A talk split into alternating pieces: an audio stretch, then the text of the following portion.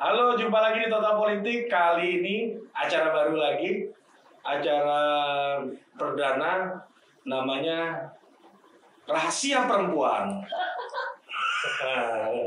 Perasaan bibir kayak gitu tadi. ya, gue udah kedatangan eh, penghuni tetap acara ini, yaitu Bude Isti.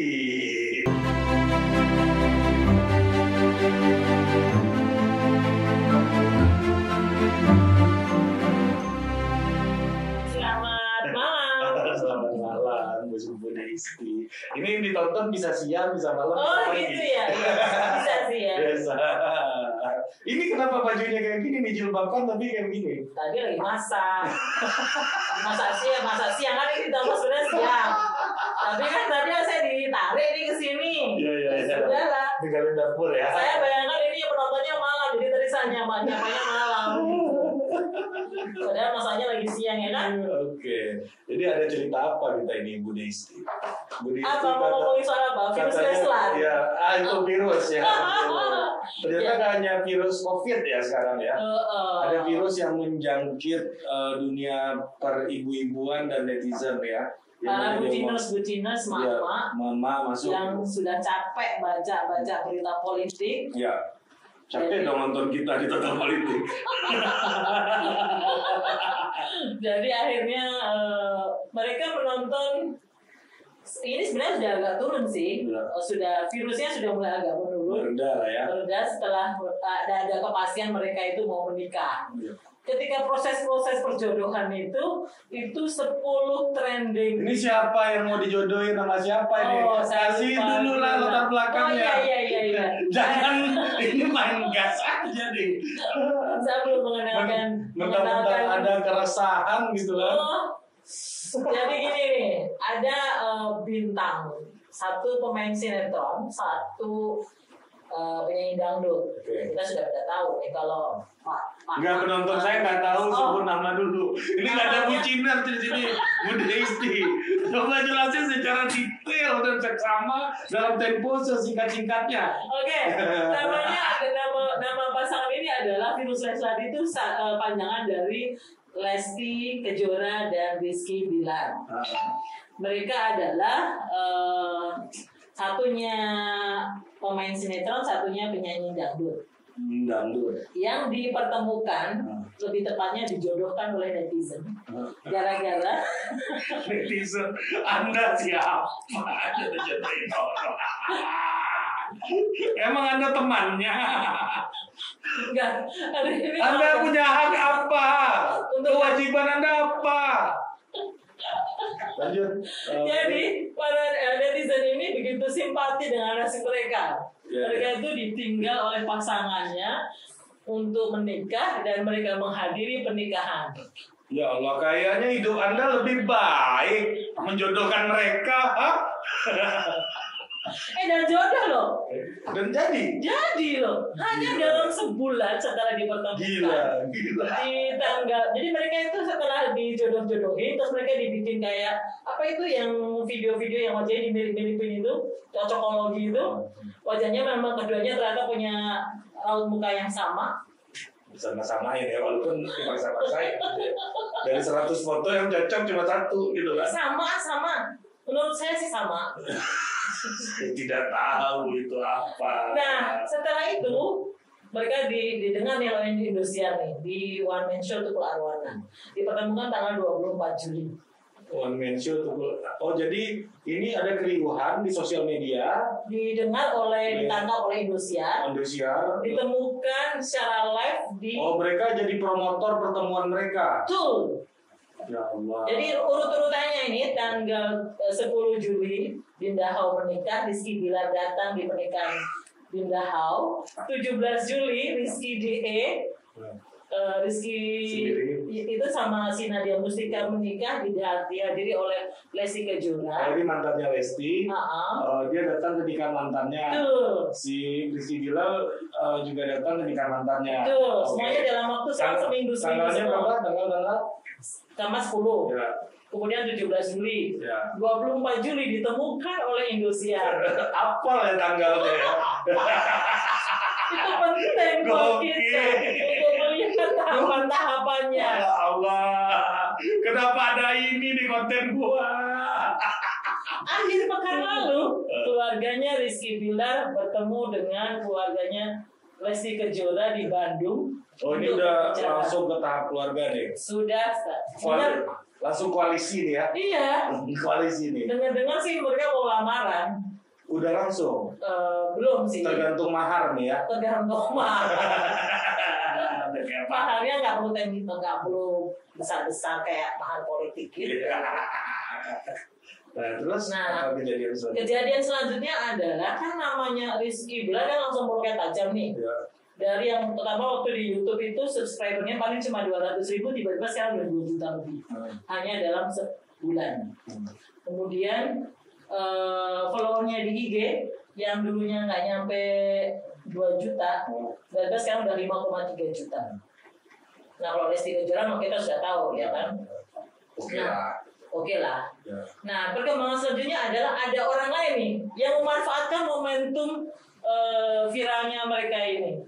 Itu namanya Lutfi Agiza. Oh ini yang ke Om Deddy kemarin ya Deddy. Betul, kemarin ke ya? Deddy Kobuzer itu. Ya. Lutfi Agiza kemudian memperkarakan kata anjay yang suka diucapkan oleh Rizky Rizky Bilar Bilar ini. ketika berduet Tunggu dulu dengan nama dia Rizky Bilar apa Riz- Rizky Bilar sih? Rizky Bilar. Oh Bilar ya oke. Nah, setiap mereka setiap berdua sama si Lesti Kejora itu eh, itu selalu si Rizky mengatakan anjay, Iya. anjay. Eh nanti ken- kena juga konten kita nih. Ah, nah, nah, belum penting untuk mengurus masalah itu. Oh belum belum. Ada masalah yang jauh lebih gawat daripada sekadar mengurusi Masalah masalah anjay. anjay. Yaitu soal bulu tangkis.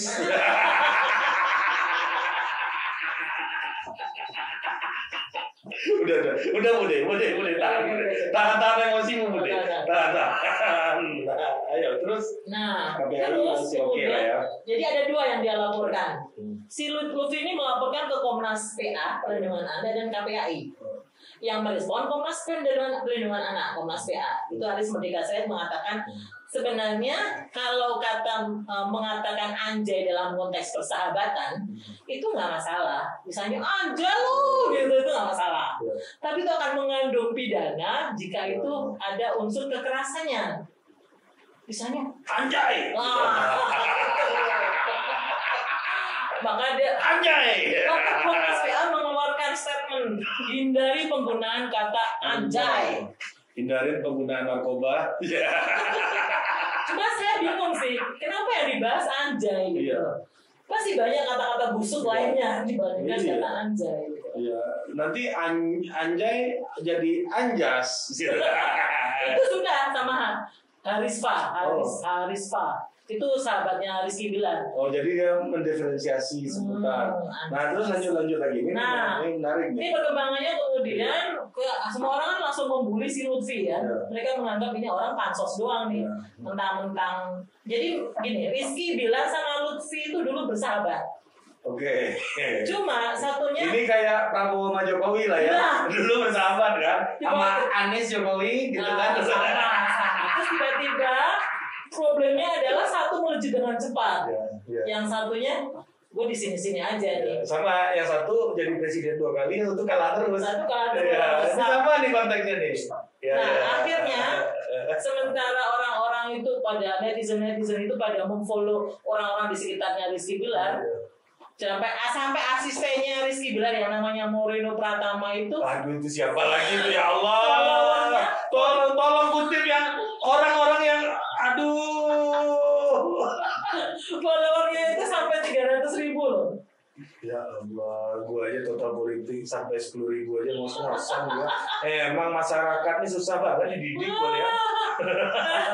si Lutfi Agiza itu followernya mentok di 196 ribu Kalah sama asisten. kalah sama asistennya Asistennya si Rizky Rizky Bilar. Bilar Mending jadi asisten Rizky Bilar aja itu yang dibilang sama Rizky Bilar Oh. mending lo jadi asisten gue daripada lo cuma mau nyerang gue aja Ini kayak Pak Jokowi jadi menteri, eh, Pak Prabowo jadi menterinya Pak Jokowi aja. Ini keren nih. Ini keren nih. Ayo lagi. Nah, Ayo lagi, Bude. akhirnya kan netizen kan kesel. Ah, lu pansos doang lu. Kenapa orang bilang pansos? Karena sebelum sebelum mempersoalkan kata anjay tadi, Iya.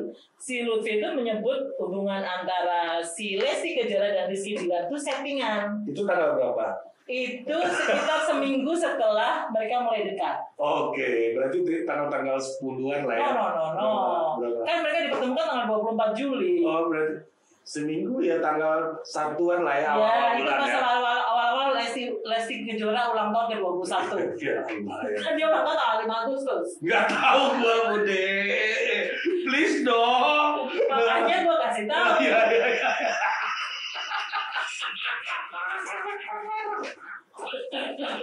Kenapa ada konten ini? Oke, oke. Nah, oke. Bagus. Nah, terus eh, nah rupanya si ini tadi yang saya bilang tadi, si Lutfi ini nggak menyerah ini. Masih Dibilang ada. pansos, wah udah ah, nggak peduli. Dia bikin konten. Lutfi Agiza ini. Agak lagi Ya. dia bikin konten untuk membenarkan pendapat dia. Hmm. Pertama dia mendatangkan ahli bahasa. Dari Unas di Ponorogo. Saya lupa namanya siapa. Ya Allah, ini agak upaya akademik dilakukan. Mm-mm, dia, Ya. dia mengatakan dia menemukan ilmu baru ternyata dalam tata bahasa itu. Ada ilmu semantik dan ilmu leksikon untuk membahas Ini, ini mulai ada politiknya nih. ini mulai ada nih politiknya nih. untuk membahas kata anjay itu. Ya ya ya. Nah. Semantik.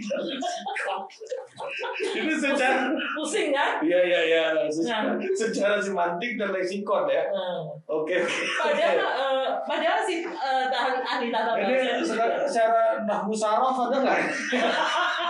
belum rencananya dia mau mendatangkan ahli ulama Ulama. tapi belum sempat ke situ karena banyak desakan akhirnya dia memutuskan untuk menyudahi ini untuk covid ya. Kalau nggak covid ini udah rame nih monas nih.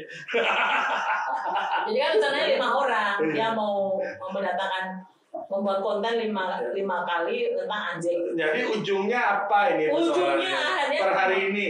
Nah, pertama pertama begini kemarin itu dia- Review dia- dia dia insight nih insight. dia membuat klarifikasi bahwa dia sudah menyudahi karena ada desakan banyak orang dia menyudahi Yang dia bilang apa kemarin? anjay Yang anjay itu. Nah, dia- terus kemudian tapi setelah nah dulu ini Ya, agak ya, agak siap, agak siap, agak pusing agak pusing.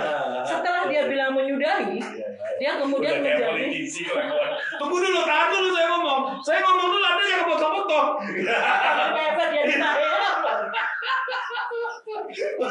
Udah udah kayak Bang Andri Rosiade kok ya. saya tegak lurus bersama Pak Prabowo gitu kan. Saya saya udah minum Ferdian Hutahea belum? Ya, ya, belum belum belum. Oh, belum, belum. Belum. Udah kayaknya eh, apa jilbab biru. Oh, iya. Ayo ayo ayo Bude, ayo. Bude. Nah, terus kemudian setelah dia bilang menyudahi konten itu, menyudahi, menyudahi bicara itu, eh tapi dia datang di tamunya, jadi Oh, oke. Jadi ini di ujung close the door itu. malah ini naikin isu ini lagi yang Nah, yang ya. naikin isu itu lagi. Bilang sama dia bilang dia bilang gini sama Dedi ditanya, "Kamu tuh pansos, pansos sama Rizky Bilar. Ngapain saya pansos sama dia? Mendingan saya pansos sama Om. Om Om yang Om lebih terkenal dari dia." Terus kemudian, tapi berarti saya yang pansos sama lu dong. Si Dedi ngomong kayak gitu kan. Ya iya Om, kan saya sekarang dilihat 150 juta orang. Maksudnya apa? Dia bilang nih, saya itu eh, hijrah di Jakarta sebagai di dunia entertain itu udah enam tahun dari 2014 tapi baru dapat spotlight tahun 2020 ini gara-gara kasus Anjay itu kok kamu tahu dari 150 juta itu? Kamu tahu om dari in personnya dari Instagram saya itu selama satu Dekade. pekan itu Oh, satu pekan. satu pekan satu pekan. Satu pekan itu 150 juta orang melihat. Itu semua saya Ya. klaimnya dia. Dia bilang gini kalau ada pemilu sekarang saya menang. Ya. ah ini mulai udah ketemu nih politiknya nih ya ya kan? jadi dia bilang gitu kalau mulai dia bilang ketemu kalau ada pemilu sekarang saya menang karena saya udah bilang sama orang udah perhatian sama saya eh, ko Ernest Prakasa juga mengomentari saya eh, yang Lex juga komentari saya Jadi dia lupa itu baru popularitas. Di politik nggak kayak gitu, Budi. Popularitas, elektabilitas, ya disukai, ya kan. Hmm. Yang ketiga itu elektabilitas. Jadi kalau orang udah tahu, itu baru tahu tuh suka, habis itu memilih. Nah ada yang lebih penting lagi dari yang pada elektabilitas, isi tas. Oh, isi apa? Isi tasnya apa? Itu yang dia lupakan. Besoknya netizen kan geram ya kan? Kan dia bilang nih, saya demi saya supaya menghindari kata-kata pansos, action action dari semua uh, konten saya tentang anjay ini uh, Saya hibahkan. saya hibahkan untuk menyumbang anak-anak di bidang edukasi anak-anak itu supaya mereka yang terganggu karena nggak bisa belajar online saya pakai buat mereka. Bagus dong. bagus kan? Katanya begitu. Itu ini bentar lagi jadi Mendikbud nih. Oh. Kok dari presiden jadi Mendikbud turun pangkat bos. luar biasa. Kan? Ya visioner walaupun dia belum pangkat Mas Anies kan enak. Mendikbud turun naik lagi kan. tapi gara-gara dia ngomong 150 juta itu besoknya langsung semuanya mereport nggak ada yang namanya akun Instagramnya Lutfi Agizal hilang Bilang ya. sebanyak 840 unggahan nggak ada nggak itu nggak bisa kebaca semua Oke. Juga. hari ini hilang semua kekuatannya kekuatan netizen Ya, makanya tadi saya bilang ada empat faktor itu.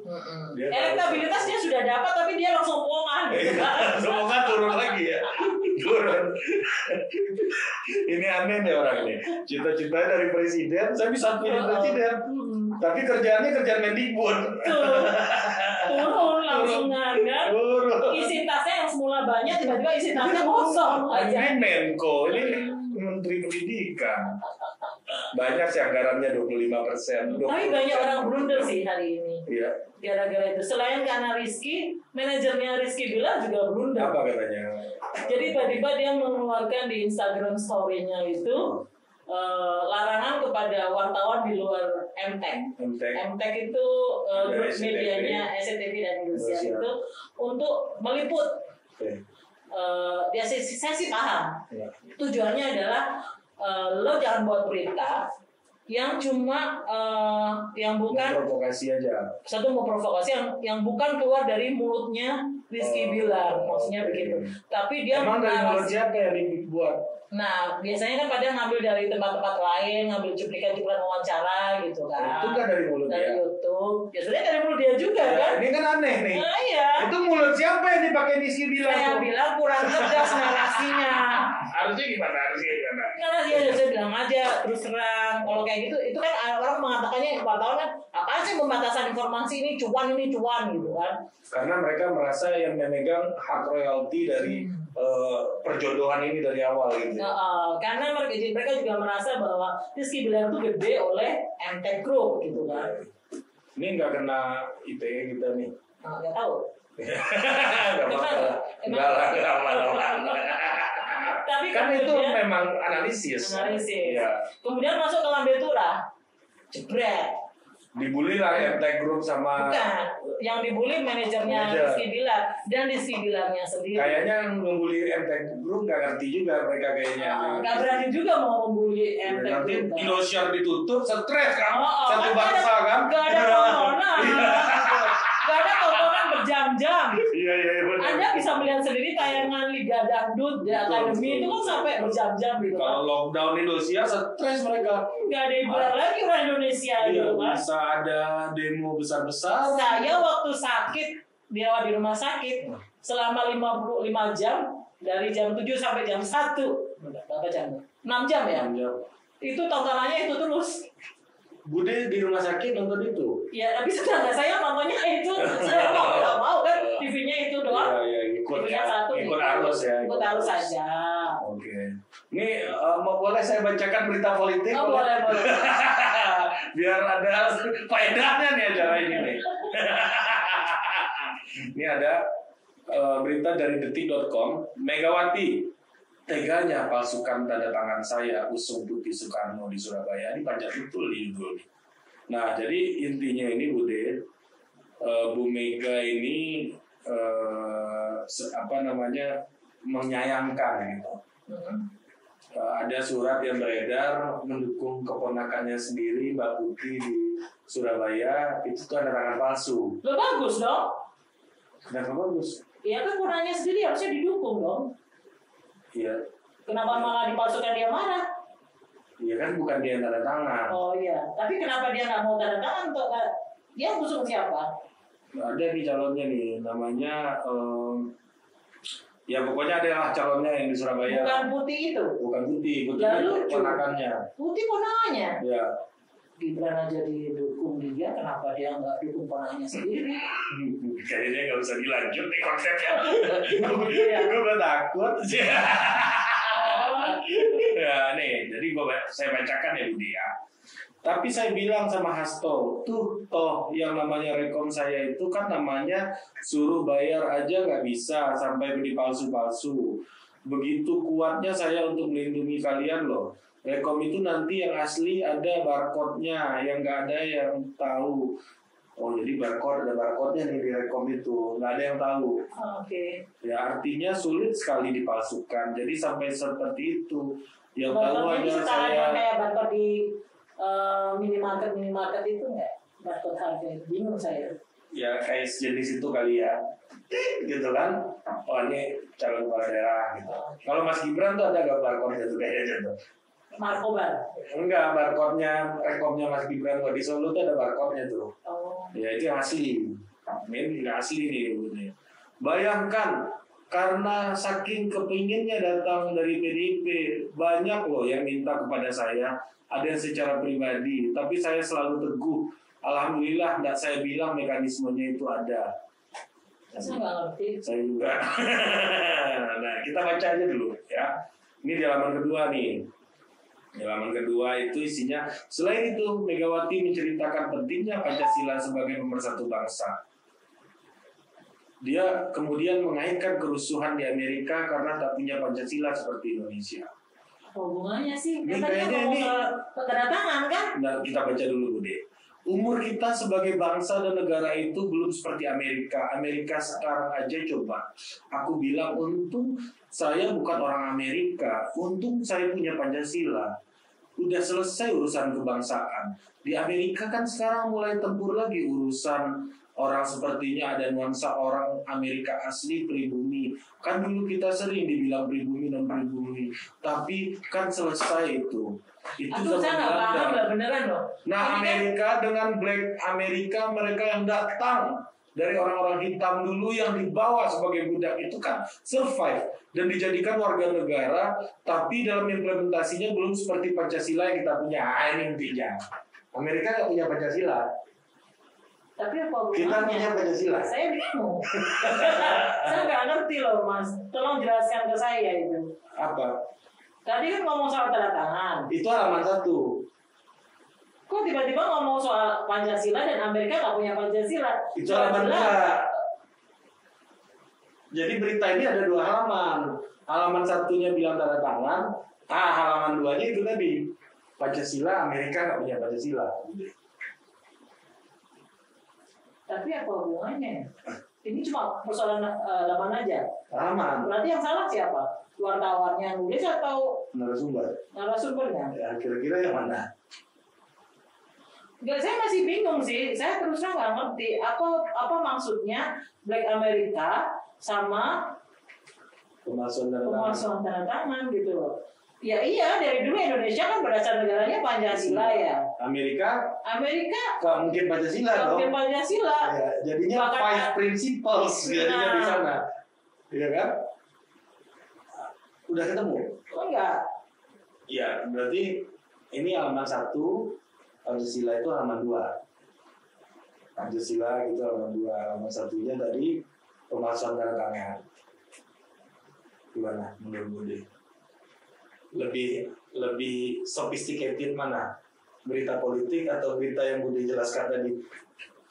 Kayaknya biar menjelaskan cerita saya tadi ya. Analisisnya begitu sama. Lebih sistematis ya. Iya, kayaknya saya lebih tertarik sama itu. Bayangkan kayak saya tadi si manajernya itu aja setelah masuk dalam pinturan dia langsung membuat klarifikasi. Ya, tapi gitu. kan nggak sampai Amerika. Ini sampai Amerika, Budi.